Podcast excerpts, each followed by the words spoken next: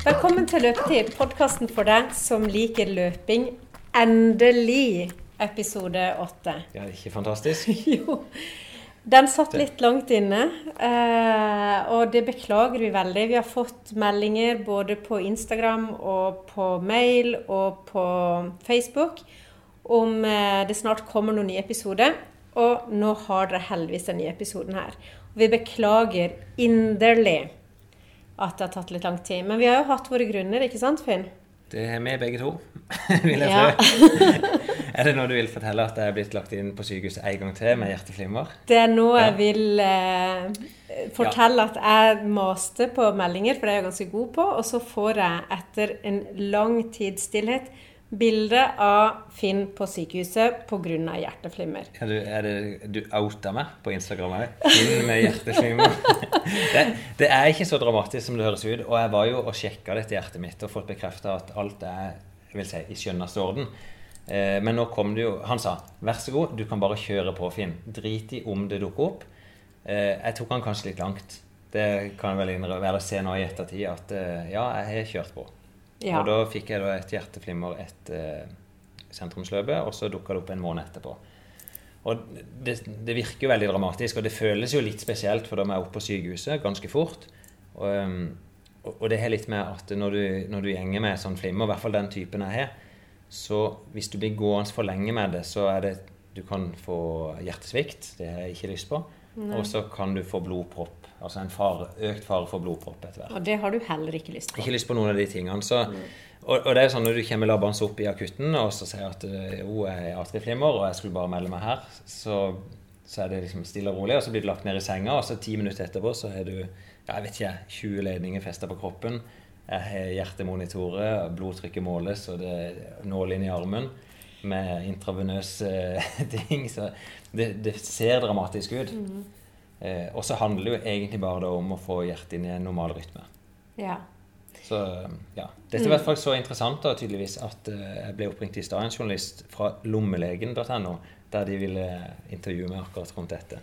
ja, så vi kan jo invitere hjertet ditt inn som en ny deltaker i podkasten, for det har vært veldig mye Fins hjerte for tida. Ja.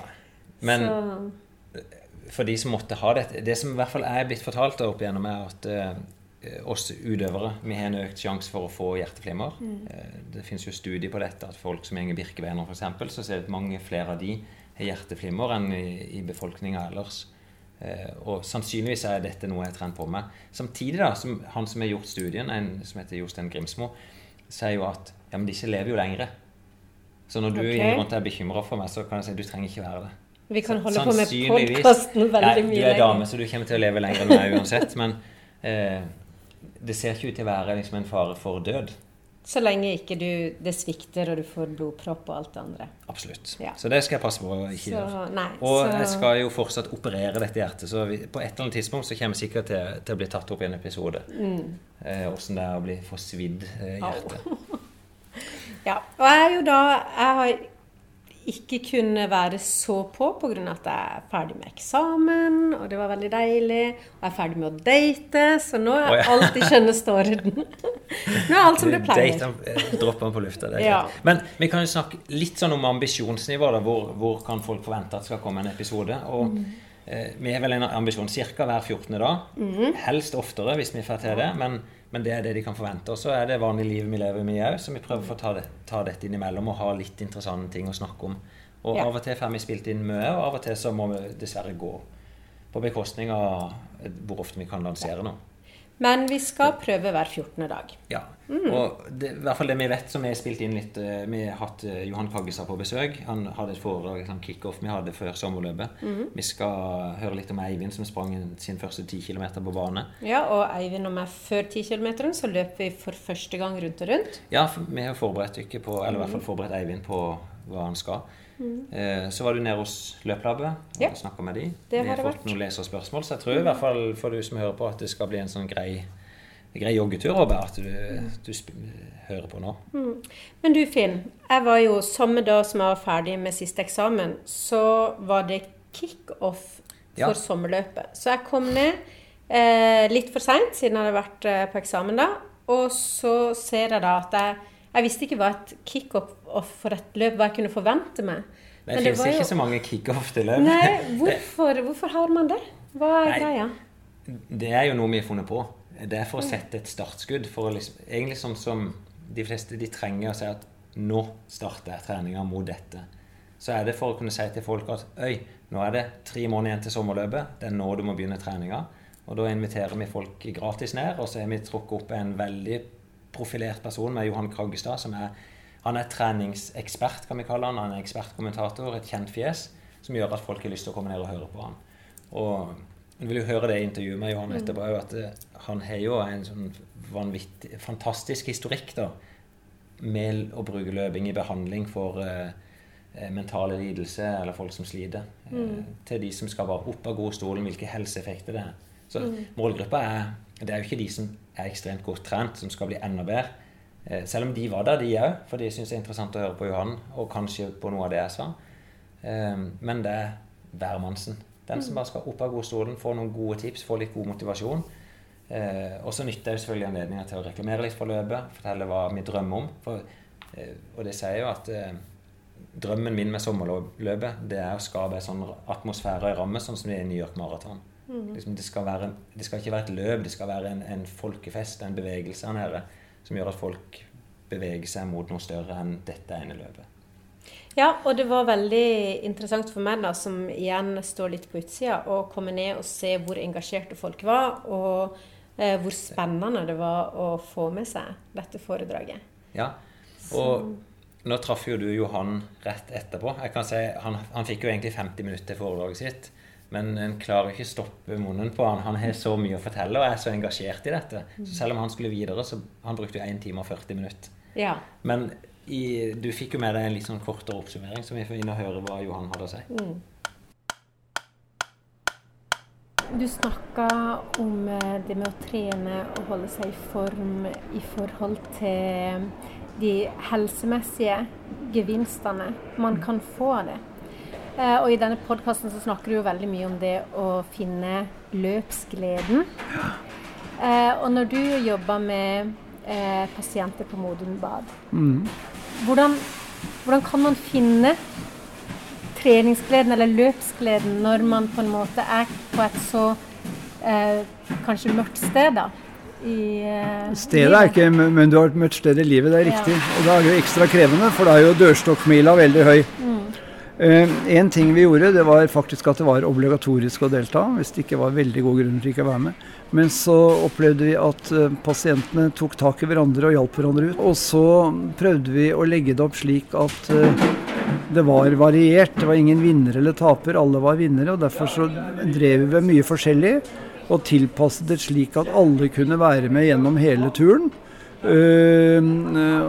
ved at vi også f.eks. gjorde tøyningsøvelser og litt små stafetter og sånn, slik at alle kunne være sammen ofte under treningen. Men uh, jeg tror jeg var ganske god til å motivere, og så tror jeg vi, vi lo mye og hadde mye moro. Mm. Og så etter hvert så opplevde jo det at uh, når man hadde deltatt noen ganger, så mestret de litt mer. Og det i seg selv er en inspirasjon. Ja, for jeg tenker veldig på det du sier akkurat, at det var mm. obligatorisk mm. å være med. Eh, og for meg så handler det jo kanskje litt om disiplin. Det at uh, begynnelsen er litt tøff. Ja. Den var tøff for mange. Vi satte oss faktisk ned og tok frem en flippover-tavle og rev ut flippover-ark. Og så fikk hver og en sette opp en målsetting. Hvordan ønsker jeg å se meg selv når jeg reiser fra Modum Bad? For de, de, var der gjennomsnittlig tre måneder. Så skrev de eller tegnet hvordan de ønsket å se seg selv. Og da var det neste spørsmålet ja, hva må du gjøre for at dette skal bli bra? Og hva forventer du av kollegaene dine? Og så tok vi regelmessig frem den flipperen og spurte åssen går det? Hva har du fått til? Årsak, og hva strever du med årsak? For det er lov å streve. Uh, og det, det, det, gjorde at det ble, at det ble uh, på en måte noe mer forpliktende og, og seriøst. Og jeg tror pasienter setter pris på at de behandlingstiltakene de møter, er seriøse. Mm. Og for lytterne våre, da, som har, for det er jo noen som hører på podkasten som ennå ikke har kommet helt i gang Nei. med løping. Hva, hva, er på en måte Begynn å gå, sier jeg. Hvis du ikke har løpt, så for guds skyld begynn å gå. Eller sykle eller svømme eller gjøre. Løping er ganske krevende. Og jeg holdt et foredrag for mange år siden sammen med Grete Waitz, som jeg jo også trente. Og så sa Grete dere må løpe 30 minutter hver dag, for da blir dere i god form. Og så sa jeg Grete stoppa. Det å løpe sammenhengende 30 minutter, da skal du være i ganske god form. Eller jogge i 30 minutter. Så jeg sier du må først lære å krabbe før du begynner å gå. Nå kan alle gå, eh, stort sett. Men begynn med å gå. Og når du behersker 30 minutter sammenhengende gange, så kan du da tenke på at jeg skal kanskje legge inn litt løping. Og det kan gjøres på den måten at du løper et lite stykke, går et lite stykke, løper et lite stykke. Og så vil du oppleve det etter hvert. Så blir disse løpeintervallene, la oss kalle det, litt lenger. Men du må også være klar over det at ingenting går rett i værs. Altså, du har ikke fremgang hele tiden. Det, det kommer til punkt hvor du stagnerer og går litt ned. Og da er det lurt å trappe litt ned på treningen for å fordøye det du har gjort, før du bygger opp igjen. Så tenker jeg når du ser eh, Sånn som jeg som har sett dette litt fra sidelinja, så ja. syns jeg det har kommet flere og flere løp. Folk skal løpe maraton. For meg så var maraton noe for eh, veldig spesielt interesserte, ja, ja. men flere og flere melder seg på maraton og halvmaraton og trener på ganske høyt nivå. Eh, den tendensen, hva syns du om den? Det er ålreit hvis de trener på relativt høyt nivå, trener mye så de behersker det å løpe maraton. Da må de gjerne gjøre det. Og det er jo noe med å gjøre liksom det mest krevende. Det kan være en, en stimulans det òg, men for folk som er utrent, så er ikke maraton det de skal gjøre. Da er eh, fem kilometer eller ti kilometer i sørlandsløpet det er eh, det de bør gjøre. For maraton er grusomt vondt, altså. Selv om du er i god form. Jeg har løpt et par ganger, jeg, og jeg syns jo det var, det var Jeg var litt euforisk når jeg hadde fullført, i hvert fall den ene gangen. Men eh, det gjorde jo ganske vondt. Både siste delen og dagene etterpå. Det er ikke maraton du nødvendigvis skal drive med, altså, men du skal kan godt ha mål å løpe sørlandsløpet eller gå. Ja. Eller gå og jogge. Ja, Du sier at eh, cirka, du trener ca. 30 minutter eh, I snitt per dag, ja. I snitt per dag. Ja, mm. eh, er det en, på en måte parameter som alle bør legge seg på? Nei, hvorfor, jeg, hvorfor jeg har det, er fordi eh, helsemenneskene våre sier jo at eh, hver og en av oss bør være fysisk aktiv i gjennomsnitt 30 minutter per dag. Så har jeg syns syntes det hørtes bra ut, og så har jeg prøvd å legge meg på det. Så det kan lytterne våre. Hvis de trener litt hver dag, og de trenger ikke å begynne å løpe, men de kan eh, gå Ja, Du trenger ikke å trene hver dag, men snittet bør være 30 minutter per dag. Mm. Men ikke samle opp alt i helgen, liksom. Så det var 3,5 timer da på søndag fordele litt utover uken. Men det er ikke sikkert at 30 minutter er det du skal begynne med. Du skal begynne å komme deg ut. Mm. Og så kan du samboer og ektefelle og kjæreste kan hjelpe deg. Og jeg ser at mange som har eh, ektefelle og samboer som er spreke, de spreke glemmer å stimulere partneren. Og jeg tror du kan ha mye gøy sammen du, hvis du kan mosjonere sammen. Mm. Kan du si litt om eh, det med fysisk helse? sammenheng med eh, mental helse? Ja, altså Helsehjulet, eller helse, eh, helsen er satt sammen av fysisk, mental og sosial helse. De tre tingene henger sammen. Og nå vet vi etter studier som er gjort, at uh, folk som er uh, ved rimelig god fysisk form, de er mindre disponert for depresjon f.eks. Og vi vet at fysisk aktivitet kan være et virkemiddel for å redusere graden av depresjon. Det vet vi fra doktorgradsstudier som er gjort i Norge. Så, og det er jo noe med det som skjer når vi trener òg, at eh, det iallfall trener med moderat intensitet, at vi produserer endorfiner. Og endorfiner er et hormon som fører til økt stemningsleie. Så da produserer vi økt stemningsleie parallelt med at vi trener. Det er jo kanskje lurt, da. Vi var jo oppe på stadion for å prøve å løpe mm -hmm. eh, på stadion for første gang, Eivind. Ja. Eh, og det var egentlig du som skulle opp og trene, mm. og så hang jeg meg på mm. for å prøve dette her. For jeg hadde aldri i mitt, jeg hadde aldri tatt på en sånn stadion. Jeg visste ikke For å være helt ærlig så trodde jeg at det var sand. Jeg tror ja. at det var sånn der, Men vet, før så hadde de rød grus som så nesten likt ut. Oh, ja. ja. Så på de gode, gamle friidrettsbanene så var det ofte så var de røde med ja. hvite streker. Så det, det ser ut som det samme. Ja, så det er sikkert litt fordi jeg er litt gammel, da.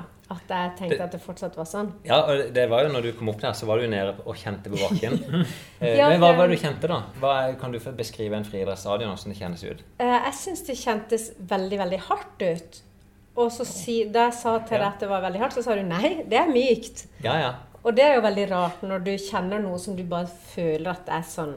ja det, for banen er veldig myk. Eh, Ja. Det er hardt å løpe på den, for det er jo helt jevnt på banen. Så du repeterer jo det samme monotone steget. Derfor opplever mange at de blir stive i leggene, de blir stive i lårene. Men selve underlaget er mykt, så hvis du trykker ned, så er det jo asfalt er jo, eller betong er jo det hardeste. Så kommer du på asfalt og grus, som fortsatt er ganske hardt, mens banen er bare gummi.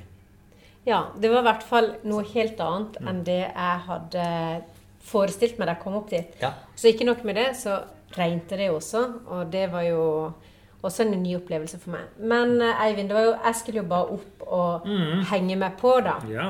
Og det var jo egentlig du som skulle trenes. Mhm.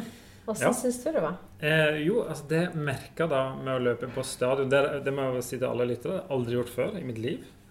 Eh, og jeg tenkte at i utgangspunktet tenkte det skulle være ganske greit. Vi snakker om å løpe, liksom følge linja rundt stadion. Mm. Tenkte det skulle være ganske greit. Men det jeg merka, det var at eh, det var, det var mye tyngre enn jeg hadde trodd. Eh, fordi at eh, I forhold til å feste blikket, merker jeg liksom at at når jeg er ute og løper sånn i naturen og sånn, og rundt søm òg, for så vidt, så har jeg et sånt siktemål og blikket festa langt framme. Mm. Eh, Men det jeg merka Det høres jo veldig rart ut, men, men når jeg skulle løpe rundt svingen på stadion, så hadde jeg ikke noe å feste blikket på. Så jeg ble liksom bare løpende rundt som en sånn uh, hodeløs uh, høne. Nei, du gjorde ikke det. det. Du, uh, ja, det han tar opp det, det å springe på en stadion er spesielt. For det at du springer og ser det samme. Du springer en sving, og så er det lang side. Og så kommer det en ny sving, og så er det lang side. Så det blir monotont. Nettopp. nettopp. Eh, du får ikke noe variasjon. Nei. Det er ofte utfordrende mentalt. Men så må jeg si til selve økta som vi skal inn og høre på etterpå, Ja. så ble det jo ut ifra det jeg fikk, en en veldig positiv opplevelse. Jo da. Det gjorde det. ja. Og, og hensikten var jo å forberede litt på denne stadionmila som vi skal høre om senere. Mm. Der det er 25 runder i ett strekk. Og da er det sånn Det å ikke ha vært på en stadion og komme opp Da må du Du må forberede deg Mm. til alle Uansett distanse eller hvilket løp du skal gjennom, gjør det så nært opp til liksom, det realistiske som mulig. Mm. Derfor opp på stadion, springe disse rundene, og så styrer vi hodet litt i og sier dette er det du kan forvente deg. Mm. Og der syns jeg vi lykkes veldig godt. Ja. Til og med med deg, syns jeg. Ja. Ja. Det var, og jeg, fikk, altså, jeg hadde jo ikke noen dårlig opplevelse av å løpe. Jeg syns den første langsida var kanskje dobbelt så lang som den andre langsida. For den syns jeg bare Da tenkte jeg at jeg går aldri. Og så plutselig så var jeg rundt. Ja, De som aldri har vært på en friidrettsbane, de, de fleste er jo det. Men så er den akkurat 400 meter lang. Det er alle sånne friidrettsstadion i Norge. Nesten, i hvert fall de som er tartandekket. Eh, det er ganske nøyaktig 100 meter i svingen, 100 meter på langsida. Og når jeg sier ganske nøyaktig, så er det fordi at noen stadioner er litt sånn De er smale, og da blir svingen litt lengre og krappere, så kan de være breie. Og det er ofte styrt av fotballbanen som er på midten. Ja. Ja. Men det var Vi kan jo høre åssen det gikk, kan vi ikke det? Vi kan det. Jo. Ja, vi har hatt en veldig kort oppvarming. To, to og en halv runde med, på banen. her. Det er vel ca. fem-seks minutter vi har løpt. Ja. Og, og det er nok. Det er ikke sånn at en må varme opp veldig lenge til sånne økter. Ehm, det som jeg sa til Anna, du lå jo mellom bane to og bane tre. Og for hver bane du går ut her, så er det syv og en halv meter ekstra på hver runde. Og selv om jeg sa det til deg, så ble du liksom liggende der.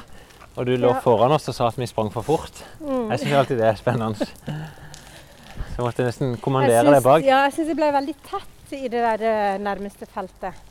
Ja, ble, ja, men det er litt sånn uvant på banen. At Ja. folk kan få den opplevelsen at eh, du liksom ligger stang oppi hverandre. Ja.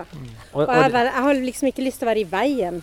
At jeg skal Nei. knote det til for noen, liksom. men i hvert fall det som er viktig når du velger å springe baneløp, det er å holde seg tett på lista. Og lista er jo den der eh, innerste banen, da. Ja.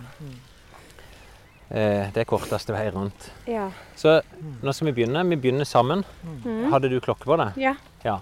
For da skal du starte hvert tredje minutt. Hvert tredje minutt. Ja. Og så skal det ikke starte så rolig at eh, du ikke oppfatter det som helt moderat fra begynnelsen. Vi snakker om skalaen 1 til 20, og da vil jeg si at en tenker 15-16 i starten her.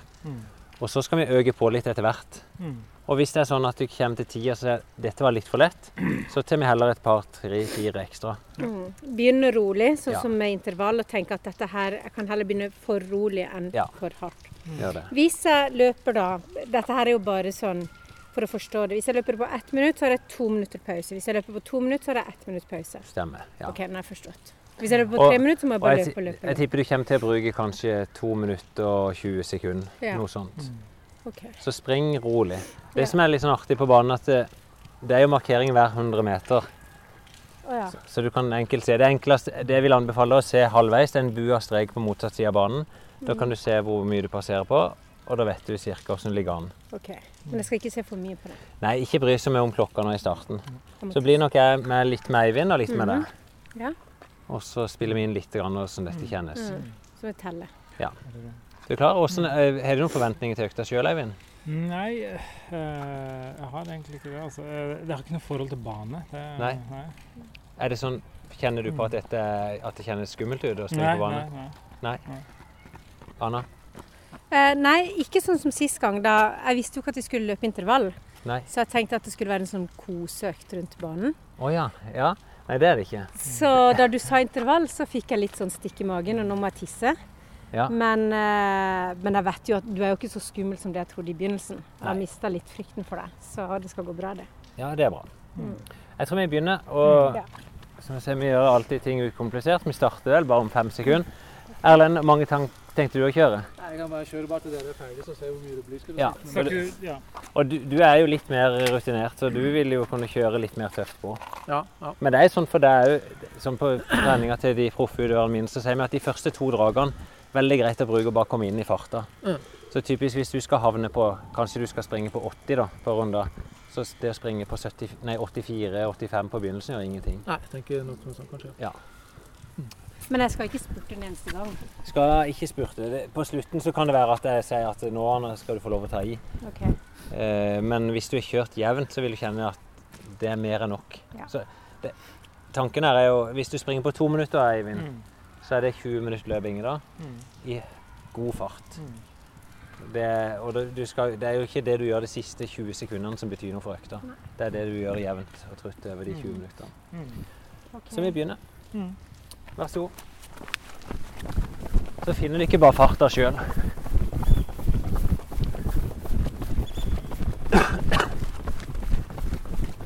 Tror du er litt offensiv, Eivind. Det tror jeg du er, Anna. Ja, nå er de satt i gang. Det er litt sånn typisk, er litt fort ut fra start. Det jeg mest ser på, det er jo om de springer avslappa og ser litt på takta. Og det er jo sånn at Erlend han dro av gårde, passerer 200 meter på 42-43 sekunder. Og Nå ligger jeg sammen med Eivind. og Brummer litt i skjegget. Ja, vi passerer her på 59 sekunder på 200 meter. Kjennes denne farta grei ut? Ja, dette kjennes ut som en eh, fart jeg kan holde. Eh, det er ikke kjempeslapt, føler jeg heller. Nei. Så det er sånn Jeg, skal, jeg kommer til å begynne å svette etter hvert Ja. i den farta. Hvis du bruker to minutter på hver 400 meter, så skal det bli Det er fem minutter på kilometeren. Ja. Det er 50 minutter. ja. Riktig. Jeg syns jo 45 minutter sånn i utgangspunktet er litt ambisiøst for din del, Ja, jeg, men jeg føler det, men vi kan godt sikte høyt.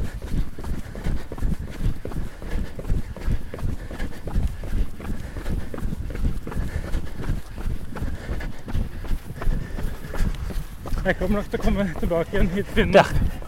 det var ei runde. Kom inn på stadion, Finn, og så Det er, for, ja, for Fordelen med stadion er at det er veldig målbart. Ja.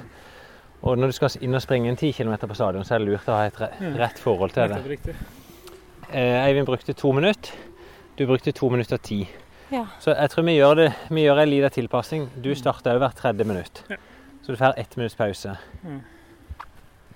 Og Da har vi muligheten for å snakke litt i pausen òg. Erlend, broren til Eivind, han Gone. Han kom inn på ca. 1,25, og så gikk, han springer ut igjen hvert andre minutt. Men dette var relativt greit, så det ut som. Jeg tror farta var passelig. To minutter på Eivind, to minutter og ti på deg. Jeg, jeg sa det kanskje litt fort. Ja, kanskje jeg merka det. Ja, så jeg ville heller sakka ned. Eivind tror jeg du skal springe herfra og fortere.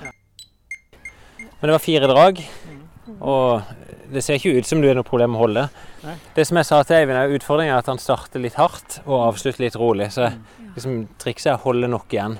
Og det er veldig greit å se halvveis. Ja. Vi er klare igjen. Ja. Det er ikke sånn Jeg er ikke veldig streng på pausen. Og om det er 40 sekunder eller 70 sekunder, det er ikke der det betyr noe. Nei. Det er det som, det som betyr noe, at du springer i 20-25 minutter. Ja, OK. Det er jo greit å få komme seg, i hvert fall. Ja. For jeg merker jo nå at jeg er mer andpusten når jeg kommer i mål enn det jeg var i begynnelsen. Ja. Og sånne fire meter, det er relativt snill økt. Du sier det hver gang. Ja, 200 meter er jo enda snillere. Ja. Når du begynner å bevege deg opp, sånn som vi snakker om her, Eivind, at han skal prøve seg på 1000 meter på banen, Ja. så begynner det å bli, bli veldig sånn ærlige svar okay. hva du er god for. Her kan du pushe det litt hardt og likevel overleve økta. Ja. Men når du begynner på 1000 meter, så, så faller du litt sammen hvis du springer for hardt.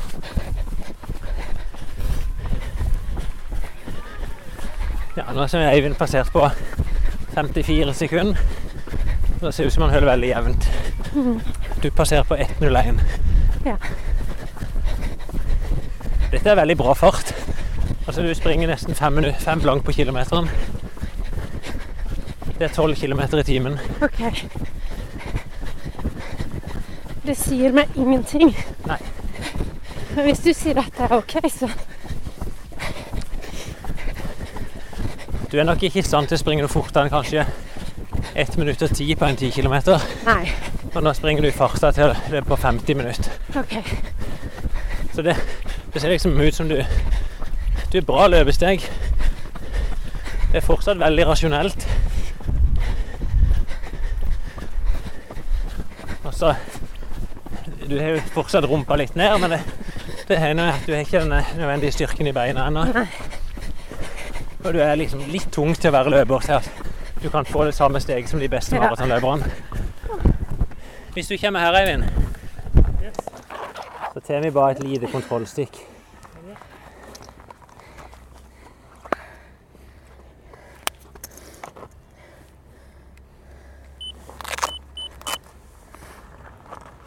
Det er en laktatmåler. Så Eivind får et stikk i fingeren. Inntrykket mitt nå er jo at Anna, du presser hardt. Ja. Eivind Jeg var jo ikke med deg til mål nå, men Virker som du er i kontroll. Sånn, Ut ifra det vi ble enige om på forhånd, skal det gå moderat nå fram til midten. Det vil normalt si ca. 3-4 i laktat. Du er 3,1. Det er rett og slett imponerende. Så skal vi ta Anna. Har du aldri stukket før? Jo, jeg har jo sånn hos legen, liksom. Ja, men jeg har ikke gjort på det. Du har ikke stukket meg. Så finner jeg Jeg må se vekk, jeg. Au, au, au, au, au. Au. Litt. Det var ikke så vondt.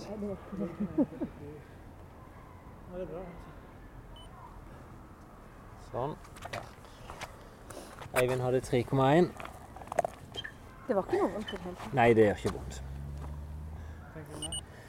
Anna, du er 4,5, så du, du pusher litt tøffere enn Eivind. Og det var egentlig det inntrykket jeg hadde. Ja. Men du pusher deg ikke så hardt at eh, det er noe fare på ferde. Men du har det ubehagelig.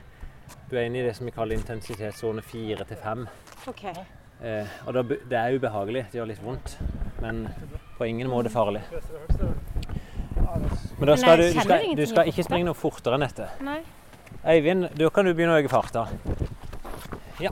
Jeg ja vi har løpt seks drag. og Jeg vil utfordre deg, Eivind, til at vi kjører seks drag til, Ja. ikke bare fire. Som Jeg var jo for sein i dag, så litt grann roligere. Litt roligere. Men med den intensiteten du hadde nå, så lå du rundt anaerob terskel. ja. Klart det å springe fire kilometer på anaerob terskel det er litt lett. Ja. Så nå øker vi farta litt, så du skal få puste litt inn.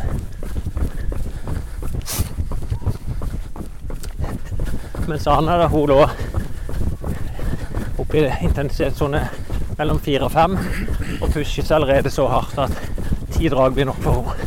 Ja, litt.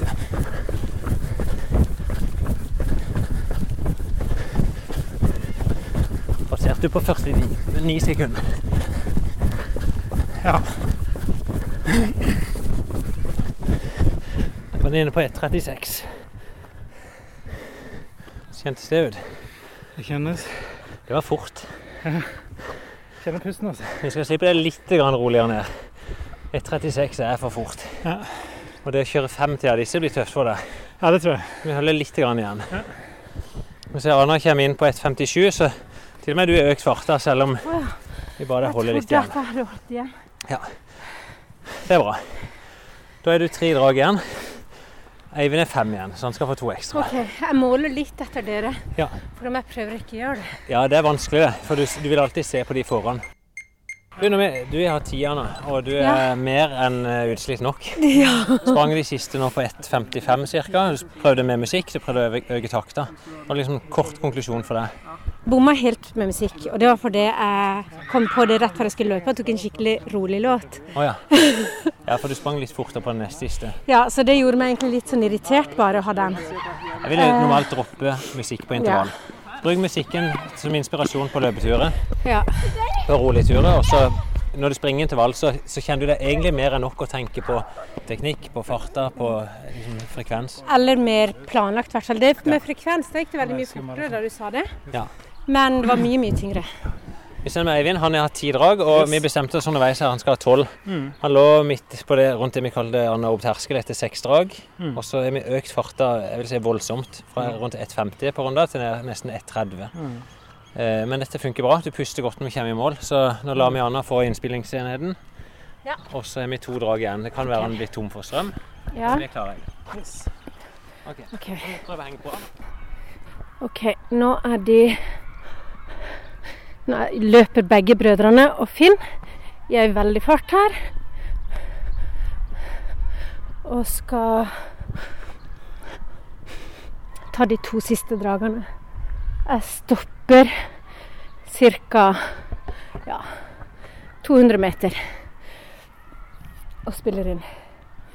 De løper veldig jevnt. Ser veldig, veldig bra ut. Nå kommer de. Nå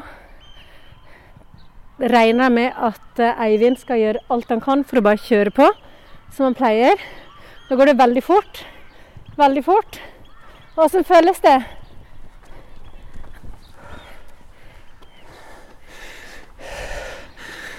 Ett igjen. Yes. Ser fram til det. Ja. Han springer veldig fort nå. Ja. Springer 400 meter på 1,29. Det kan folk prøve. Det er, da er du nede på 3,40 på kilometeren. Det som er utfordringen, han, han blir ivrig i starten. Og så er han litt kriger nå. Du ser han er liksom litt inni den bobla at han vil dra på. Så vi skal ikke gjøre noe mer. Jeg sier til han hold igjen første 200, og så heller prøve å øke inn. OK, nå kommer de her.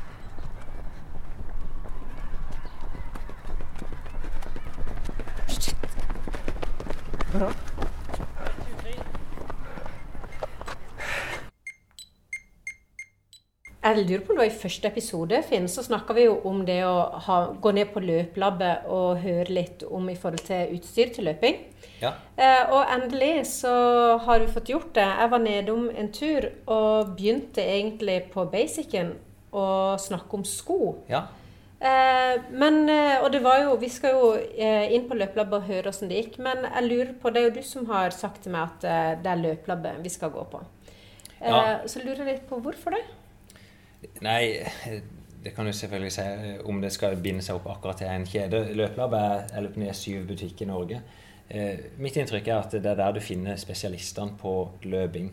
Eh, jeg ser det at de ansetter folk som driver med løping, og de kurser løping, og de driver teknikkurs for løping.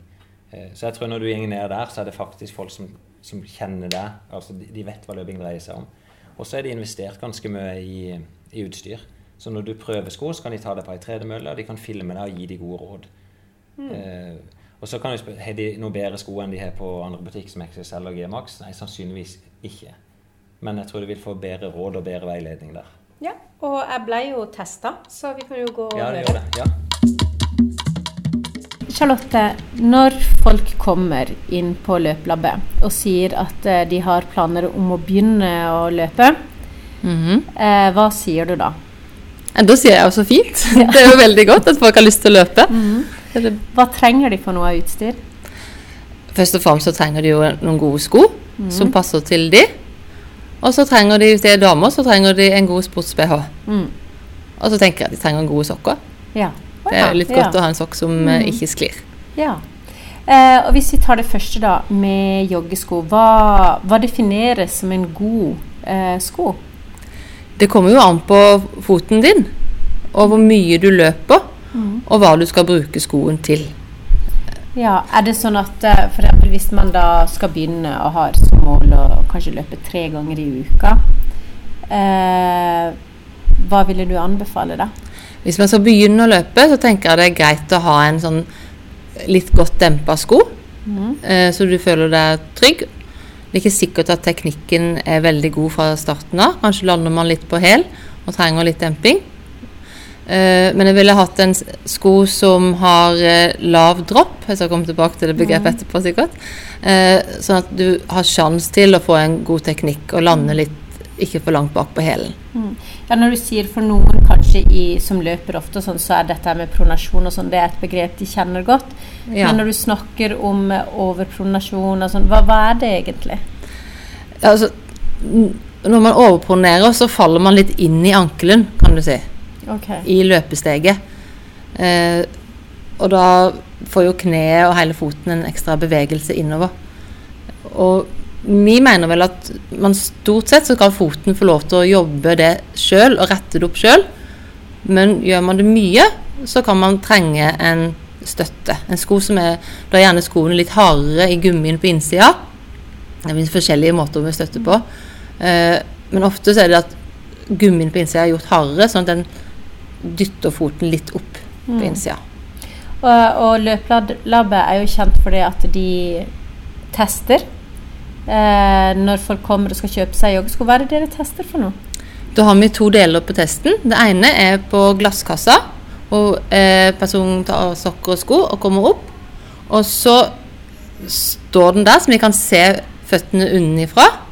Og da ser man hvordan vekta er fordelt på foten. Eh, og så bøyer det litt i knærne og står litt på et bein og sånn. Og da ser vi akkurat på det med pronasjon. Ja. Og da er det jo ganske mange som overponerer litt. Og det tenker jeg er naturlig, man trenger ikke støtte for det. Og så er det noen som overponerer kraftig. Og da kan man trenge en sko med støtte. Skulle vi prøvd litt? Bare for Ja, kan vi ikke det? Jo. Så jeg har jo sandaler på i dag, for det er jo så varmt. Så det Du slipper å ta av sokkene. slipper å ta sokkene. Hvis du kommer opp her med tærne mot meg Så da skal jeg opp på en glasskasse som nesten ser ut som en sånn fotoboks. Ikke sant? Oi. Og du har jo den lekre neglelakken, da. og da ser jeg jo av og til egentlig litt på tærne til folk. Og så ser jeg om de velger for små sko, for det kan man ofte se. Mange mangler tånegler. Og det kan være en konsekvens av, at, man velger for små sko. Men det er jo gjerne ikke nybegynnerne. Det er jo gjerne de som har løpt litt. Ja. Uh, ser, hvis du, kan du se her, så ser du foten din unnifra. Litt skitne, men det er fordi jeg har gått med sandaler. Ja, men eh, de fleste har litt skitne bein når de kommer inn her. Det er helt greit. Jeg er litt, litt immun mot det, egentlig. Mange blir litt flaue og tror de lukter tåfis og sånn, men jeg syns at det går helt greit. Okay. Uh, du har en jevn fordeling av vekta på foten, ser du. Eh, du har en fin fotbue. Ganske stor fotbue, Jeg vil si at du har en normal fotbue. Ah, okay. mm -hmm. Noen steder har hulfot, så går de veldig langt opp. Og trenger av og til da litt støtte under her. En sko som støtter uten å være en overpronasjonssko, men som kan, fotbuen kan hvile litt på. Eh, du har en relativt brei fot. Det tenker jeg er greit å se på når jeg skal velge sko, så ikke du får en sko som dytter inn tærne dine. Hvis du får en sko som dytter inn tærne dine, så dytter du den inn, så får du en klump ut her som heter valgus valgus, som du kanskje har hørt om. Og er det vil man ikke ha. Nei, det er noe man må operere eller noe sånt. Ja, det vil man ikke. Nei. Nei. Så du må passe på å ha breie nok sko. Hvis du står Kan jeg brette opp buksa di bitte litt, så ser ankelen din bedre. Hvis du står på ett bein, Oi. og så bøyer litt i kneet Det så veldig stabilt og fint ut. Vi ser på andre. Ja. Du har helt stabile ankler, og du er nøytral. Du overponerer ikke. Nei. Hvis man overponerer, så går man liksom inn der. Ser du okay. det? ja, Da faller foten inn sånn. Så er det noe som supponerer at de går ut der veldig. Det er en veldig liten andel av folk som gjør. OK. Jeg nesten ikke ja, Jeg har sett noen få som gjør det. Mm. Ja. Da kan du komme ned. Da kan jeg komme ned. Oi. Sånn. Så det var første del av testen. Det var faktisk se hvordan foten ser ut utenfra. Ja, og om du overpronerer Ja. Mm. eller er stabil i ankelen. Ja. Så neste delen er å løpe litt på mølla. Mhm. Da skal du låne et par sokker og et par lånesko av meg, som Ja. er nøytrale, så jeg kan se Da kan det hende at du overpronerer at ikke jeg kunne se det på glasskassa, Ja. men at jeg kan se det når du løper. At det Mm. først er i løpebevegelsen at det går an å se. Ja. Mm. Så da filmer jeg først litt bakfra for å se på det. Mm. Og så filmer jeg fra sida for å se på eh, løpestilen din. Så da gjelder det å ikke løpe helt perfekt, så bare løpe akkurat sånn som du gjør. Sånn, De er ikke så kule, de skoa. De er skikkelig utdatert. Men eh, det blir kulere, de du får prøve etterpå. OK, det var bra. Så da skal jeg opp på mølla. Sånn, Hvis du løper rolig, mm. hvilken fart har du mølla på da? Eh, løper rolig. Ja? Ti, kanskje. ja? Er kanskje åtte. Kanskje jeg tok litt Jeg tenkte ja, ti er jo Det er ganske fort. Mm. Det er jo rolig, men kanskje ikke så rolig. Nei, du kan ta det enda litt roligere. Ja, jeg tror kanskje det. Så Ja. at ikke For det, nå skal du bare løpe helt rolig. Mm. Det er bare noen minutter. Ja. Kanskje. Nei, noen sekunder. Ja. Sånn, da skal vi se på det. Her ser du bakfra, Mm.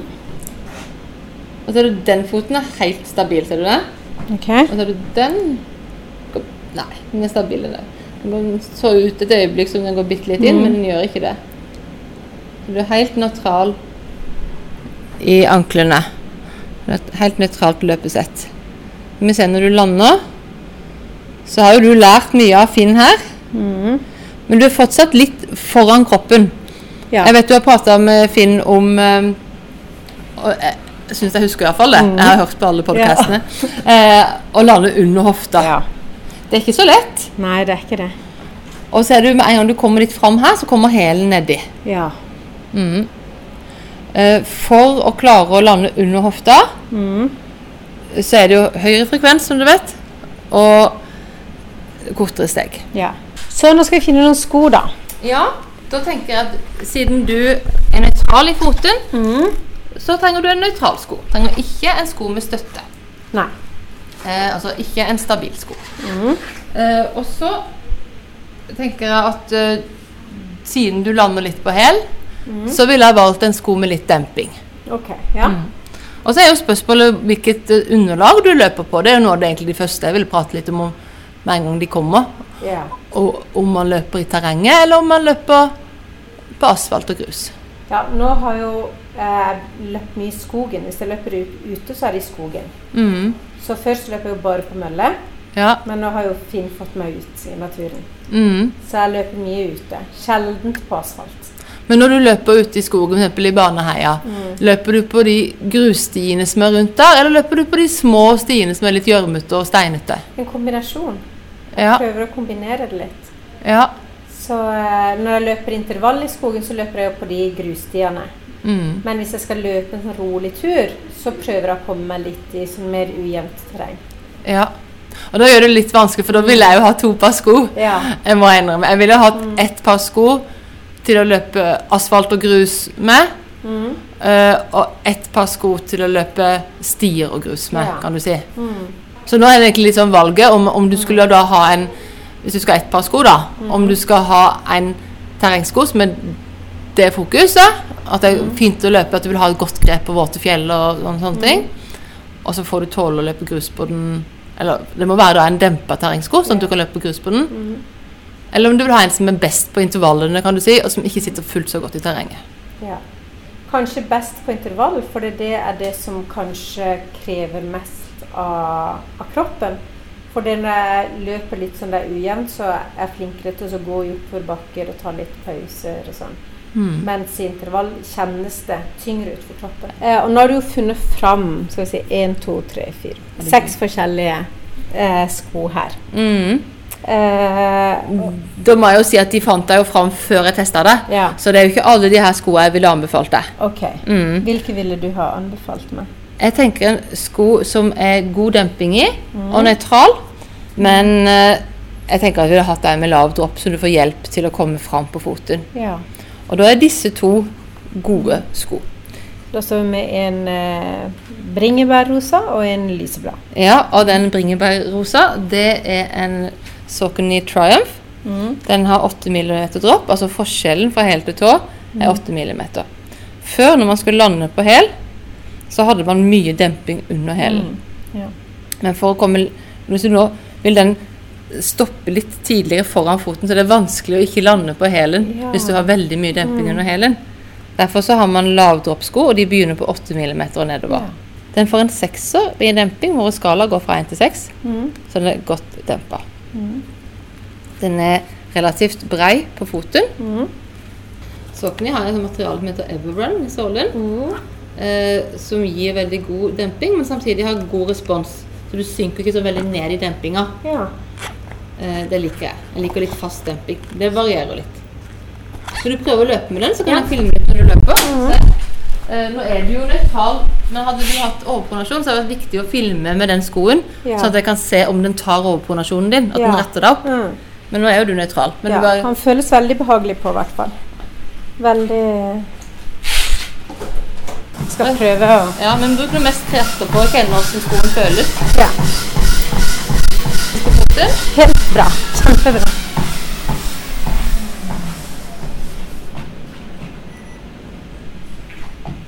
Lang- Lander det på hælen og framme? Bitte litt. Mm. Men det tar tid å komme inn i en god teknikk. Mm. Og det er ikke veldig, veldig mye. Nei. Det er ikke det. Men vi skal prøve den andre skoen. Den er 4 mm droppbare. Ja. Og har en liten sånn rulletendens, så den dytter deg enda litt mer fram, syns jeg. Okay. Og det var den lyseblå skoen. Mhm. Det er en Hoka. Har du hørt om Hoka? Nei. Hoka har masse demping uten å veie noe. De er blitt veldig store de siste åra. De satser på lav dropp. Og mye dumping og lekt vekt. Jeg sa i stad at våre skala gikk fra 1 til 6. Men Hokaen den, de går bare ut på utsida av skalaen. Okay. Eh, så det her er en Clayton. Den er en, cirka, kanskje en åtter på skalaen ville den vært. Oi. Bondien vi har, som er enda mer dempa, den ville kanskje vært en elver. Ok, Nå har jeg fått på meg de badeskoene, som jeg kaller dem. Ja, og det er en Hoka. Og Hoka var de vi prata om som var lette og god dempa. Ja. Og så har de i tillegg 4 mm dropp, så de har mye enda lavere dropp enn de forrige. Og har en litt, hjelper deg enda litt mer fram på foten. ja. Ok, Nå må jeg ikke glemme å løpe, da. Nei, Ikke så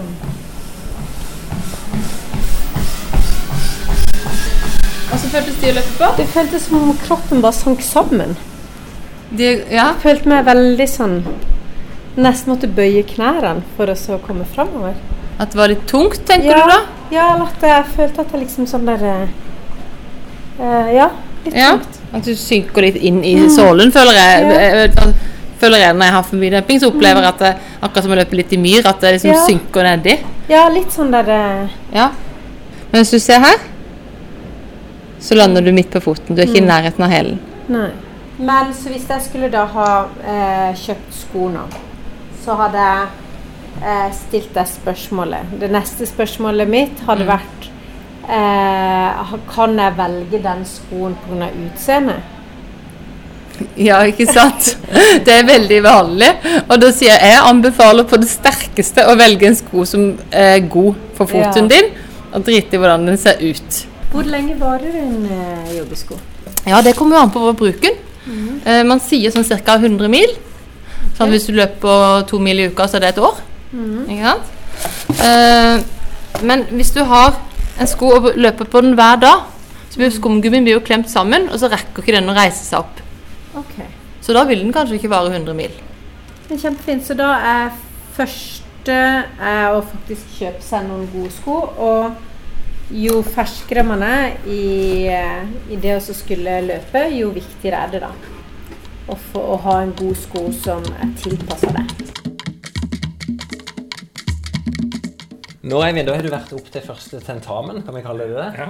Du er jo på vei mot New York, og, og første test var 10 km på stadion. Yes. og arrangementet Stadionmila. Mm. 25 runder på en friidrettsbane. Ja. Eh, der vi inviterer på et vis til fest. Det er en lørdagskveld Mm. Eh, der du starter klokka sju. Og du har til og med fått med din bror. Ja. Det skal han ha, broren din. At Ja. han er mer enn middels interessert i å følge deg og sørge for at du får de beste opplevelsene. Mm. Så han meldte seg frivillig og sa at jeg vil være fartsholder på gruppa som skal springe på 45 minutter. Det er sterkt. Det Ja. syns jeg er veldig sterkt av broren din. Eh, Og da skal jeg komme med et tips, sånn som vi gjorde med Eivind. Vi snakka om dette på forhånd, for han, han har jo en drøm om å klare 45 minutter. Og jeg er litt sånn fan av at når du skal sette noen mål, så skal du ha noe hårete som du drømmer om, men så skal du òg være litt realistisk. Eh, og jeg sa til han at ut ifra den økta han gjorde på stadion sist, så er kanskje det mer realistisk å tenke at han havner midt imellom 45 og 50 minutter. Så vi sa ja, vi drømmer om disse 45, men realistisk sett så er liksom Klarer du under 50, så er det bra nok. Kan ikke si åssen det gikk, da, gutter. Nei, skal ikke det. Så, eh, men vi kan jo inn og høre, for vi, vi møtte eh, Jeg var sjøl speaker på dette arrangementet, så vi måtte kan vi kalle det, ha litt flere oppgaver på likt. Men jeg tok det inn rett etter du kom i mål. Ja. Så får vi se åssen eksamen gikk.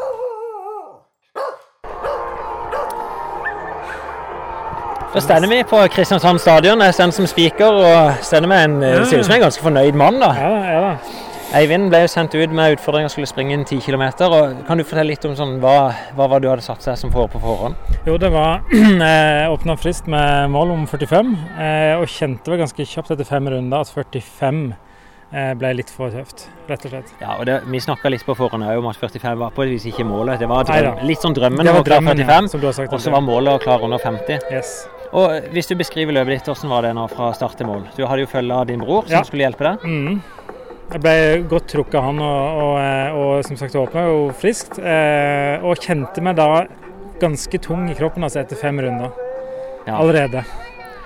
Ja, men du slapp jo ikke. Nei, det, ikke det. gikk ganske lang tid før Ja. han kikka på meg og sa Ja. du er fin, er det greit at vi setter farta ned litt? Og det, selvfølgelig så er det jo det. Vi visste at 45 minutter ville være ganske tøft.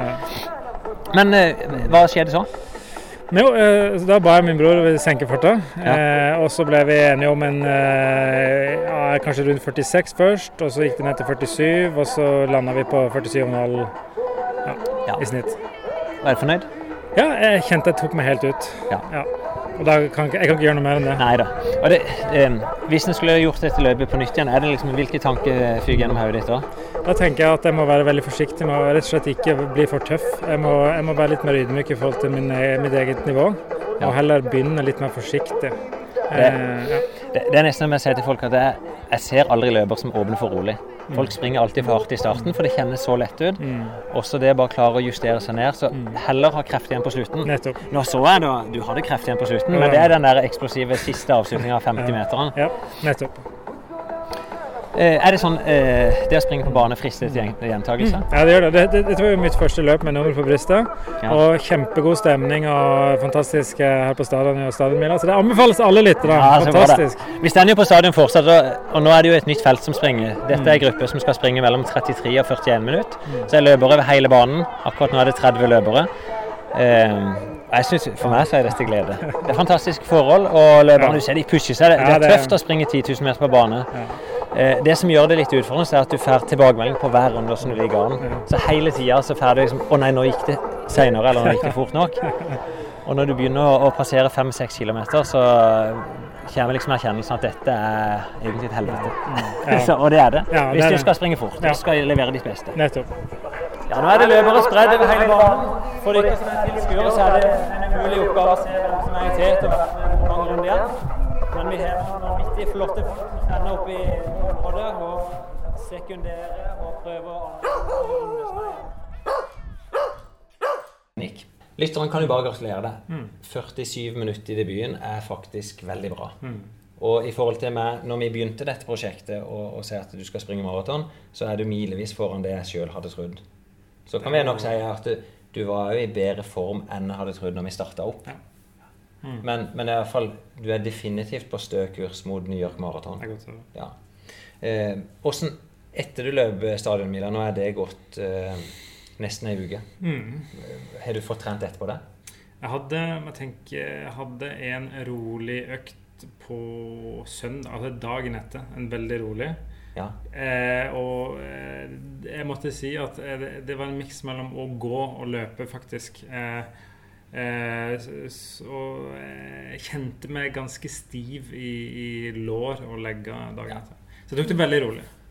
Og det kan jeg fortelle til dere at eh, etter en 10 km så kan du nok regne nesten bortimot ei uke før du er tilbake på samme nivået. Hvis du har gått fullstendig i kjelleren, og det, og det var det jo. Mm. Men det går en uke før kroppen er tilbake. Det betyr ikke at du skal ta fri fra trening, men du kan ikke forvente at du er restituert og forvente de samme eller resultatene på trening. Men er det sånn at du tenker at du er litt lei, eller? Nei, eh, absolutt ikke. Jeg må jo bare si at, eh, at eh, jeg, som sagt, jeg kjente meg ganske smashed etter den stadionmila. Og, og det var tøffere enn jeg hadde trodd. Det var det. Og, og det var et hårete mål. Eh, 45, Ja. som du sier, Finn. Og, og jeg tok meg helt ut. Så jeg har jo kjent, og kjenner det fortsatt, at jeg, løpegleden er jo større enn noen gang før. Men, men jeg kjenner meg sliten i kroppen. Altså. Det gjør jeg Mm. fortsatt, faktisk. Ja, og det, det er helt naturlig. Mm. Det som er nå? Vi er jo egentlig på vei mot et maraton, Mm. og vi skal øke innsatsen. Liksom Målet fra begynnelsen har vært få Eivind til å like løping, få, få litt sånn rutine i hverdagen. Det syns jeg du har lykkes med veldig godt. Mm. Du har fått med kona di. Eh, du har til og med likt noen av intervalløktene og, og fått god opplevelse på de. Mm. Det som er utfordringa framover mot et maraton, er jo varighet. Altså du må holde på lenge. Mm. Eh, når, farta di er det jo ingen problemer mm. Sånn, Når du springer på 47 minutter, så er du eh, Ja, du kan jo løpe på 3 timer og 20 minutter hvis du bare holdt den farta hele tida. Målet i New York er jo i hvert fall å kunne løpe hele tida. Mm. Så det vi skal begynne på nå, det er å, å vi skal begynne å strekke øktene og gjøre det litt mer ekstremt. Da er du nesten tilbake igjen sånn der du begynte, men vi gjør det mer ekstremt kontrollert. Og om to måneder så er det sommerløpet, halvmaraton. Og i mitt hode så er målet at da skal vi ha dem i stand til å løpe hele det løpet uten å måtte gå. Mm. Det kan godt være vi velger en strategi at du skal gå noen plasser. At vi kan si der og der. Men du skal være i stand til å løpe hele tida. Men har du noe mål sjøl for eh, den halvmaratonen? Nei, altså, eh, Å løpe sammenhengende en mil, eh, bare det er det jo lenge siden jeg har gjort. Ja. Eh, så, så jeg tenkte 45 minutter kan jeg greie det. Sånn. Så, så, så jeg skjønte jo når jeg begynte å løpe der, at, én mil var lengre enn jeg hadde trodd. Og da tenker jeg da Halvmaraton er jo da dobbelt så langt av det igjen. Så, Minst er enda mer. Det er Enda en- mer. 21 km. Så, så jeg har ikke noe for, eh, altså, Der har jeg ingen formening, Nei, rett og slett. Er nå vi begynner å gå inn på litt sånn upløyd mark. Nettopp. Det du skal prøve, det er å strekke økter. Så vi Mm. kommer til å legge ut et program for deg med litt lengre varighet, men det skal ikke gå så fort. Du skal ikke presse Mm. deg. Men det betyr at det, da er det ikke lenger bare disse joggeturene der du legger inn noen drag, Mm. men litt mer styrt og planmessig. Og da kan jeg si jeg er jo på vei litt mot den samme turen sjøl, for jeg skal springe maraton i september. Da skal jeg springe Berlin maraton. Mm. Det er en måned før New York, da, så jeg ligger litt foran den løypa. Og så skal jeg springe New York sjøl. Og da har jeg begynt å strekke mine intervalløkter til oppimot en time. Og da har jeg f.eks. løpt eh, ti ganger seks minutter. Som det er for spesielt interesserte, men det lønner seg hvis du skal prestere veldig godt på et maraton. Og så gjør jeg noen pyramideintervaller som jeg tenkte kanskje i neste podkast at vi kunne ta lytteren gjennom det. En veldig effektiv økt for å bygge både kondisjon og fart. Ja, det hadde vært gøy. Ja. Men da er det du som skal løpe. Da, ja, for da kan jeg ta meg inn, for jeg gjør den økta ganske ofte sjøl, og gjør det ofte på tredemølle i min garasje.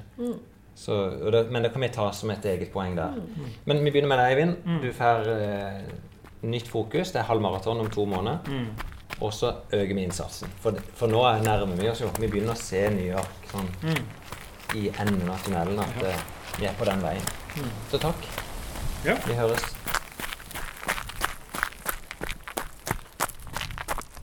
Det er Mikkel i barnevogna. Han er på tur i byen med jentene mine. Ja. Og det jeg tenkte vi skulle snakke med i dag, det var litt sånn akutte skader, og, og først og fremst overtråkk. Mm. vi kan jo kikke litt på det. Ja. Jeg tror nå, eh, alle løpere, jeg tror alle som driver med ballspill, de har vært borti det.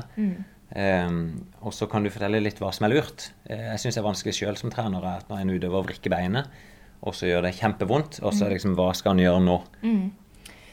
Det jeg tror er lurt som trener å alltid ha med seg på trening, det er en kompresjonsbandasje. Det er sikkert lurt. Det, det er det men kanskje ikke så mange som har. Jeg har inntrykk Ja. at det er veldig mange som tenker med en gang man får en akutt skade, nå må vi ise ned. Det er det første som dukker opp. Skynd deg å ise ned. Men det aller viktigste eh, du gjør når du får en akutt skade, det er å komprimere eh, det skada området. Ja, for Og med det mener jeg da binde en bandasje rundt det skada området. Rett og slett for å hindre at den skal hovne opp, hindre hevelse. Ja, for det ønsker du ikke. Du vil ikke ha blodet egentlig inn. Selv om det er litt sånn logisk kan du tenke Ja. at det blodet er der for å gjøre en, en Du vil, oppgave. du vil jo ha litt blod inn, ikke sant? for at det er jo det som er reparasjonsprosessen. Den informasjonsprosessen eller betennelsesprosessen skal jo reparere den skaden som har skjedd. Så du, Ja. Men det, det kommer tilstrekkelig med det. Du vil ikke ha overdrevent av det. ikke sant? Det er sikkert veldig mange som har erfart å tråkke over og få en ankel som en svær ballong. ikke sant? Som en sånn elefantfot, gjerne. Ja, så Da kan du egentlig si at kroppen den ter litt for godt i, og sørger Mm. for at du skal i hvert fall ikke bruke dette beinet på lang tid. Ja. Så pumpe inn blod og, og Ja. lage det urimelig vondt å gå på. ja. Men det, er, det trenger vi egentlig ikke. Du trenger ikke den store hevelsen der, nei. Nei. Og det, det gjør ofte at eh, veien tilbake blir litt lengre. Fordi det tar lengre tid før hevelsen går ned i etterkant. Det stemmer. Så eh, i utgangspunktet, hvis en brikker beinet eh, og vi, vi gikk jo litt langt, for egentlig ville jeg jo sagt ok, ikke fortsett aktiviteten. For det er jo av og til så vrikker folk beina og sier ja, jeg tror det går greit likevel. Og så fortsetter de, og så opplever de etterpå at det, det var jo ikke så greit, for kroppen er varm. Så jeg vil si stopp, og så sier du drit i den isen. Det viktigste er å komprimere det.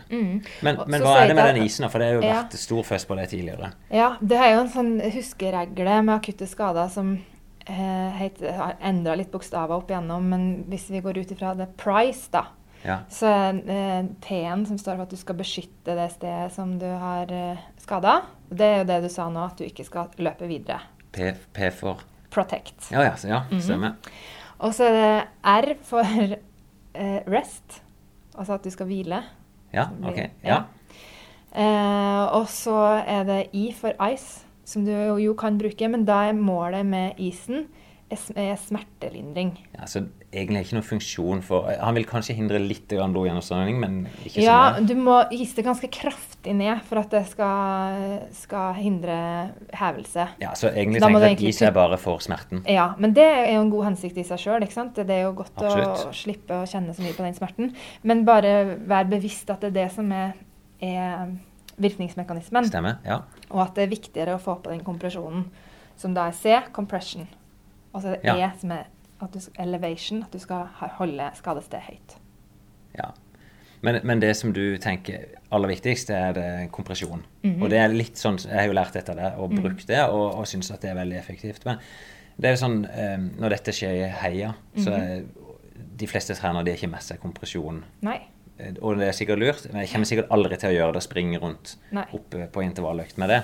Eh, jeg pleier jo bare å bruke det som er for hånda, da. Altså, ja, Bruk en sokk eller Ja, en. T-skjorte eller det du har, da, som du kan binde rundt så stramt som mulig. Ja, og så er det bare for å frakte det hjem. Det som, eh, noen snakker om tabletter og, og dunke inn på ulike typer medikamenter. Er det lurt? Det er ikke noe hold for at det har noe effekt i seg sjøl, og det er òg en del forskning som, som antyder det at det kan virke mot sin hensikt, faktisk. Å ta betennelsesdempende Ja, for det er ikke mange år siden så fikk vi de rådene at uh, dunk inn på det fort. Mm. Men så har du snakka om det akkurat disse forskningene som tyder på at det kan ta lengre tid å Ja, bli kan- frisk igjen. Ja, redus, eller altså at det, det forsinker tilhelninga på sikt, da. Ja, så, så i utgangspunktet dropp medikamentene. Mm. Um, og så noe som jeg har prøvd, jeg vet ikke om det er noe effekt, men uh, det er jo mange som er sånne støttestrømper. Eh, og da har jeg tenkt på natta, da, istedenfor Mm. Ja. å ligge med den bandasjen, så har jeg bare tatt på en støttestrømpe. Ja, det kan Og- man gjøre. Ja, for jeg opplever at det er bra. Og Ja. at uh, da er ikke denne beinet som en ballong dagen etterpå. Ja. Det tror jeg absolutt man kan gjøre. Så tror jeg det er viktig å tenke, Nå sa jeg at de bokstavene hadde endra seg litt opp gjennom årene. Ja. Og det siste uh, regla nå, det er police. Der det, det Jeg må er ikke gå inn- Jeg må ikke gå inn på det engang. Jo, det er viktig. Fordi at rest er bytta ut med OL, som står for optimal loading. Og det betyr at man ikke, man skal, Når man har tråkka over, så betyr det at du skal ligge med beinet høyt i ukevis. Oh, ja. ja, men det var At At du ganske fort kan begynne å bevege på, på beinet. Eh, for å få i gang sirkulasjonen og få i gang eh, aktiviteten og få i gang bevegeligheten. Og, og sånn. Og det er egentlig ganske viktig, fordi blir du liggende veldig lenge med en akutt skade sånn som det, så stivner det gjerne. Og så tar det jo mye lengre tid enn om du f.eks. hadde begynt å sykle litt lett eller beveget litt lett ganske raskt etterpå. Ja, for det er litt problematisk. Etter to-tre dager så er ofte beinet veldig stivt. Mm. Og så er det vondt å bevege seg, og spørsmålet er jo da om en skal gjøre det. Og det sier du at det er helt greit. Ja, det er helt greit. Hvis at man gjør det med, i rolige og kontrollerte former, altså innenfor en OK smertegrense, akseptabel smertegrense. Det er jo ubehagelig å komme i gang, eh, men det skal ikke være sånn at du må gråte deg rundt på sykkel, liksom. Nei. Men hvis jeg ser bort fra alle de bokstavene, så er det i utgangspunktet stoppe aktiviteten, komprimere det, Mhm. holde litt i ro, og så begynne ganske fort eh, med aktivitet igjen. Og da Mhm. snakker du sånn i praktisk to-tre dager normalt. Ja. Men noen får jo brudd. Jo at de, de kan lure på om ankelen er knekt. Og jeg har hatt mange utøvere tatt de med opp på legevakta. Ikke vært knekt, men òg vært med at ankelen har vært knekt. ja. Er det sånn at en bør alltid sjekke det? Nei, man bør ikke alltid sjekke det. Og det er litt sånn når man tråkker over skjellet for første gang, så tror nesten alle at man brekker beinet. Ja. Sjøl jeg som har, eh, som eh, har møtt veldig mange akutte ankler opp igjennom, så tråkka jeg over sjøl, så var jeg helt sikker på at jeg hadde brekt beinet sjøl. Og det hadde du ikke? Og det hadde jeg ikke. Fordi det er så intenst vondt akkurat når det skjer. Uh, og det som ofte Vi har noen sånne regler som vi sjekker i forhold til brudd også. Det ene er at um, du, hvis du ikke klarer å belaste gjennom beinet innen rimelig tid, så, så bør Ja. du sjekke det. Og hvis det er veldig vondt oppover i knoklene, f.eks. ja. Og det er vel Hvis vi tar på knoklene. Sånn som jeg skjønner her, hvis du til de forhåndsreglene vi snakker om, så om beinet er knekt, så har du gjort det riktig likevel. Du er liksom beskytta det og komprimert det, du, Ja. du hviler på det. Ja. Så, og det blir ikke noe raskere frisk da, for det om du har tatt et røntgenbilde. Ikke med et, bare et overtråkk, nei. Nei. Det er klart, Har du et brudd som må gipses, så, så bør du jo gipse det. Men da har du jo holdt det i ro uansett. sånn Ja. Men kan vi se, liksom, vi snakker litt om akutte skader. Det overtråkk. Det kan jo være at du slo et kne eller noe sånt. Er det samme type behandling alltid? Er dette disse Police Mm. Ja, det- eller Price eller Ja. Rice eller Ja, det er for alle akutte skader, ja. I første omgang. Ja, så hvis jeg dunker kneet mitt, mm. slutt å løpe, Mm. eh, komprimere det, Ja. kjøl det ned for å slippe smerten, Ja. og så relativt fort tilbake i gradvis aktivitet. Ja. Det er hyggelig. Det kan ikke utøveren bruke det som en unnskyldning etterpå og si at ja, men det gjør fortsatt vondt. Ja, det er greit, kan jeg si som trener. da. Det skal gjøre litt vondt i starten. ja, innen rimelighetens grenser. Ja, så bra. Du skal ikke hovne mer opp etter aktivitet og sånn. Du følge med på, på reaksjonen. Veldig bra. Da tror jeg vi er fornøyd om akutte skader. Mhm. Ja. Hvis lytteren lurer på noe mer, så får de sende inn spørsmål. Ja.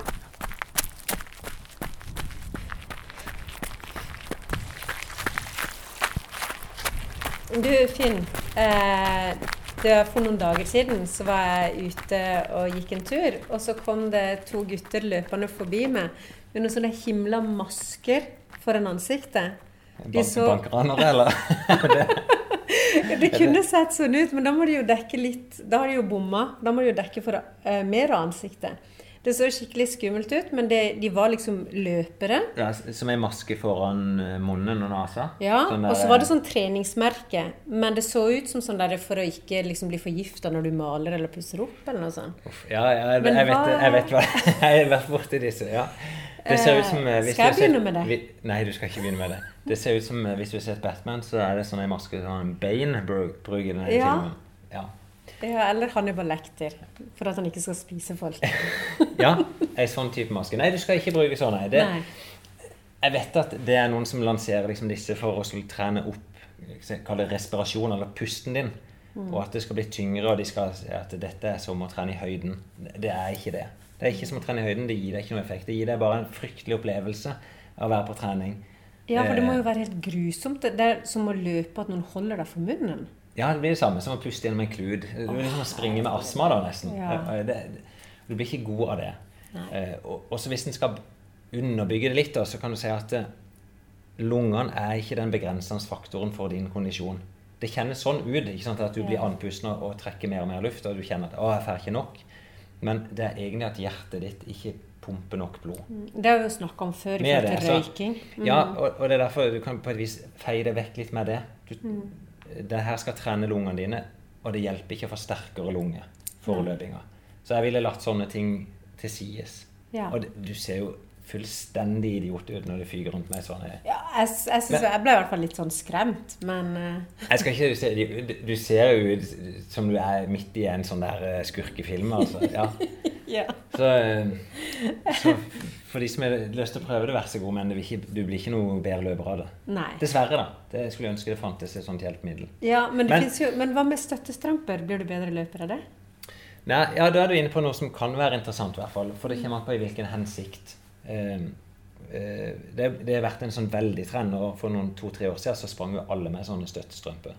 Og, eh, og mange bruker det for kompresjon, med en tanke om at du skal restituere raskere. Og i forhold til det så ser nok liksom all forskning de gjør på det, konkluderer nok dessverre da med at det hjelper ikke for restitusjon.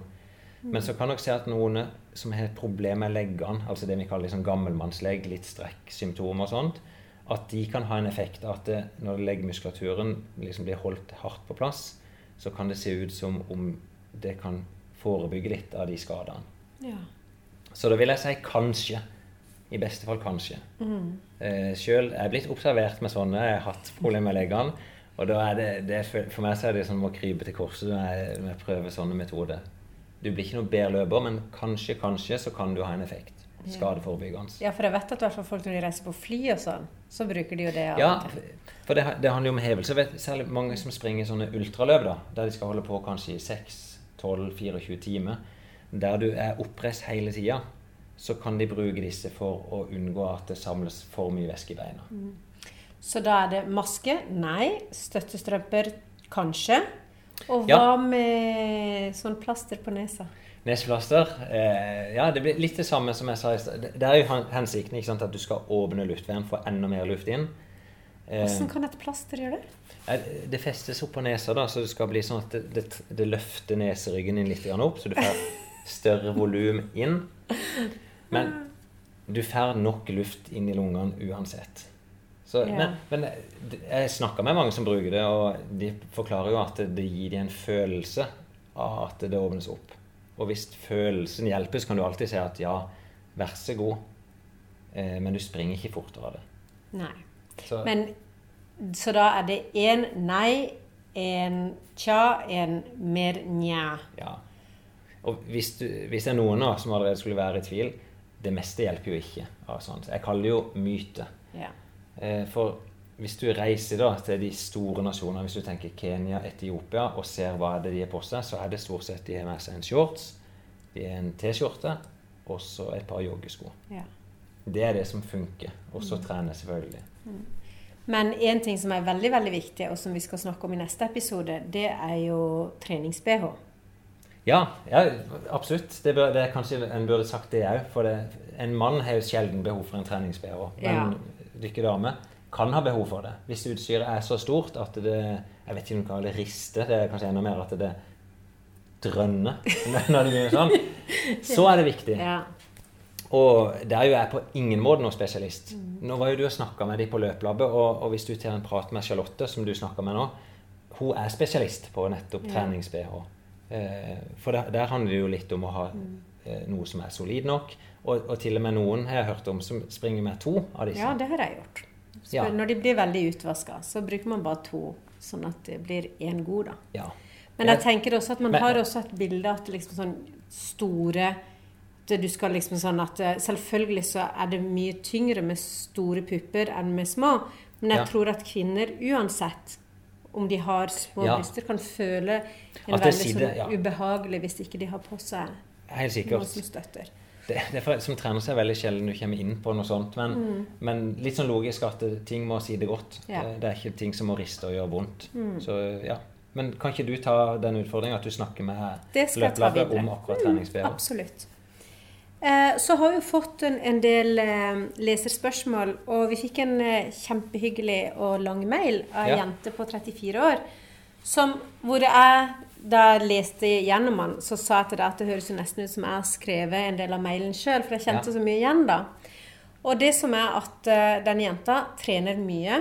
Mye styrke, crossfit, aerobic, spinning, og er flink på dette Ja. så vil hun begynne å løpe og føler seg tung og at det er vanskelig å komme i gang, så har hun dette behovet for å kjøre seg helt ut Ja. når hun først er på trening. Og så har hun lest så mye om løping, og at hun skal ta det med ro, og prøver å gjøre dette her, da.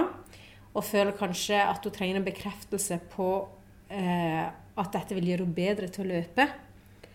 Eh, så lurer jeg litt på eh, hvilke tips skal vi gi henne? Ja, det, det blir jo veldig sånn komplekst og sammensatt eh, av, av mange ting. Men du nevnte f.eks. crossfit, aerobics. Erfaringen min der er at de fleste som driver med det, de blir ikke spesielt gode til å løpe.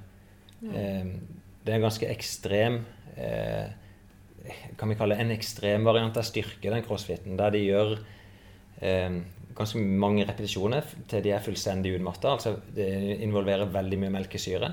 Og det ser nok at eh, når en gjør anaerob trening, som det heter, så vil det direkte gå utover kondisjon. Okay. Sånn at det, jeg sier til folk at dropp crossfit hvis du har tenkt å bli god i løping. Men du blir jo på et vis jeg vil kalle det fit. da. Du ser bra ut, du blir funksjonell sterk til å gjøre praktiske ting på kort tid, men du blir ikke veldig god til å løpe av det. Så akkurat der så vil du ha nesten litt sånn motstridende, så at eh, det ene ødelegger litt for det andre. Jeg tror nok ikke løpinga vil ødelegge for crossfiten, men akkurat den der ekstreme crossfiten ødelegger dessverre for løpinga hos oss. Men så er det selvfølgelig For jeg, jeg leste mailen sjøl, og hun skriver at hun Hun prøver å springe rolig nok, for hun har erfart at hun presser seg så hardt at hun orker ikke tanken på løping. Og så sier hun at nå er hun løpt rolig. Hun springer med pulsbelte og måler, og så sier hun Er det kanskje fortsatt for hardt? Eh, vil jeg ha enda bedre effekt av å springe enda roligere? Og da, da er dessverre svaret nei. Du blir ikke enda bedre av å springe enda roligere. For hun beskriver hun trener løping to ganger i uka. Ja, eller tre, tror jeg. Ja. Og skal du ha, hvis du tenker effekt, da Hvis du skal ha den beste effekten av å trene relativt lite, så lønner det seg å trene relativt hardt. Og når jeg sier relativt hardt, så er det jo det at du må kunne holde på en ganske lang periode. Vi ser nok at uh, forskninga dreier mot at hvis du klarer å ha- intervalløkter som varer i hvert fall en halvtime, eh, kanskje på 85-90% så kan det gi en enda bedre effekt enn å pushe seg hardt kortere. Ja. Og vi har jo snakka litt om det i podkasten. Jeg prøver jo å få deg og Eivind til å få den der følelsen av det der lette ubehaget, men der du kan fortsette lenge. Det, gir, det ser ut til å gi en veldig god kondisjonseffekt. Også jo saktere du springer, jo mer må du gjøre av det for å få effekt. Så hun som er litt sånn som meg, som liker den der eh, vonde følelsen når du er, på, når du er og trener, så skal hun ikke fortsette med det, da. Når du har to til tre løpeøkter i uka, så kan de gjerne være litt tøffe. Da ja, du ville i hvert fall prioritert én til to av de at det er skikkelig gode intervalløkter. Ikke sånn at hun ligger og, og spreller på bakken etterpå og har det fryktelig vondt, men at hun er oppe i litt sånn den overgangen mellom ukomfort og ubehag Ja. oppi der over tid. Det vil funke bra. Men det er vanskelig når folk kommer med og sier at jeg både lyst til å bli veldig sterk, utholdende osv., og, og at det er mange mål inni der, så er det vanskelig å gi den liksom, prikkene av veiledning. Og det tror jeg nok er sånn som det du kaller for mosjonister sin store utfordring. Og jeg kjenner jo på det sjøl også. Ja. At uh, jeg har ikke lyst til å slutte med noe. Jeg har bare lyst til å begynne på flere ting eller gjøre Ja. mer. Og, Og da må du nok finne deg i at du blir ganske middels i alt sammen. Så, så er det litt sånn Skal du bli god til å løpe, så prioriter absolutt det. Og så legg heller vekk det andre. Men en ting som jeg lurer på, eh, og det har litt med, med hos sitt spørsmål også å gjøre. Ja. Jeg har hørt at eh, i hvert fall folk som trener mye styrke, sier at eh, hvis du løper mye, så mister du muskelmasse. Ja, det, det blir jo ikke helt rett, for det at det, du forbrenner jo ikke muskelmassen når du springer. Det gjør du ikke. Nei. Men det blir sånn, du øker jo muskelmassen av å trene styrketrening. Um, med, hvis du har nok næring tilgjengelig. Mens ofte vil du se at langdistanseløpere de trener lite styrke. De spiser kanskje lite, altså de- er på energiunderskudd og mister ofte muskelmasse pga. det. Men hvis du da har, lyst til å bruke løping som si, forbrenning, så funker det veldig godt for de som trener styrke. Du kan deffe det ned med å springe. Ja. Så man skal ikke være redd for at man løper av seg musklene. Nei, du gjør ikke det. Nei, men det var jo en god ting. Og det vil du nok se du, du vil se I verdenstoppen av løpere så vil du se mange utrolig slanke, tynne folk. Og det er nok fordi det er optimalt for en løper å være lett og ha den type kropp. Men det fins veldig gode løpere òg, som er, så er litt sånn min type, som bygger muskulatur veldig fort. Eh, det forsvinner ikke av seg sjøl. Men det forsvinner når jeg slutter å trene styrke. Men med en gang jeg begynner å trene styrke igjen, så vokser jeg. Og det ser jeg f.eks. når jeg begynte å trene ski i vinter. Så gikk jeg opp et par kilo i vekt bare fordi at jeg begynner å bruke overkroppen. Ja. Så da kan man fortsatt kombinere styrke med løping uten å være redd for at det i hvert fall skal gå utover styrketreninga. Ja. Men igjen, du blir alltid best på det du prioriterer. Ja. Ja. Nå som vi nærmer slutten, Anna, har du klart å trene? Ja. Eh, Jeg gjør jo det som eh, jeg fikk beskjed om av deg. Jeg er jo veldig lydhør sånn sett. Så jeg er ute én dag i uka og løper rolig. Ja. Så er jeg én dag i uka og løper pyramiden. ja. Og den pyramiden, hvis jeg husker rett nå, da, så sprang du da tre minutter, to minutter, ett minutt? Nei. Nei. Det var det ikke. Én, to Én gang rundt. Ja.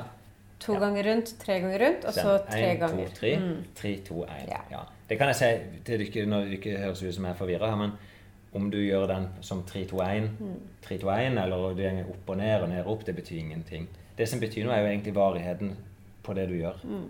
Men følelsen av å skulle løpe nedover er veldig bra. Ja, absolutt. Det vi gjør av og til, òg, det kan være at vi begynner f.eks. på 3-3-2-2-1-1, så kan du få samme effekten. Ja. For jeg tenkte, Nå begynner jo du å ha løpt en periode, og at det, det med variasjon kan være smart å begynne å tenke på.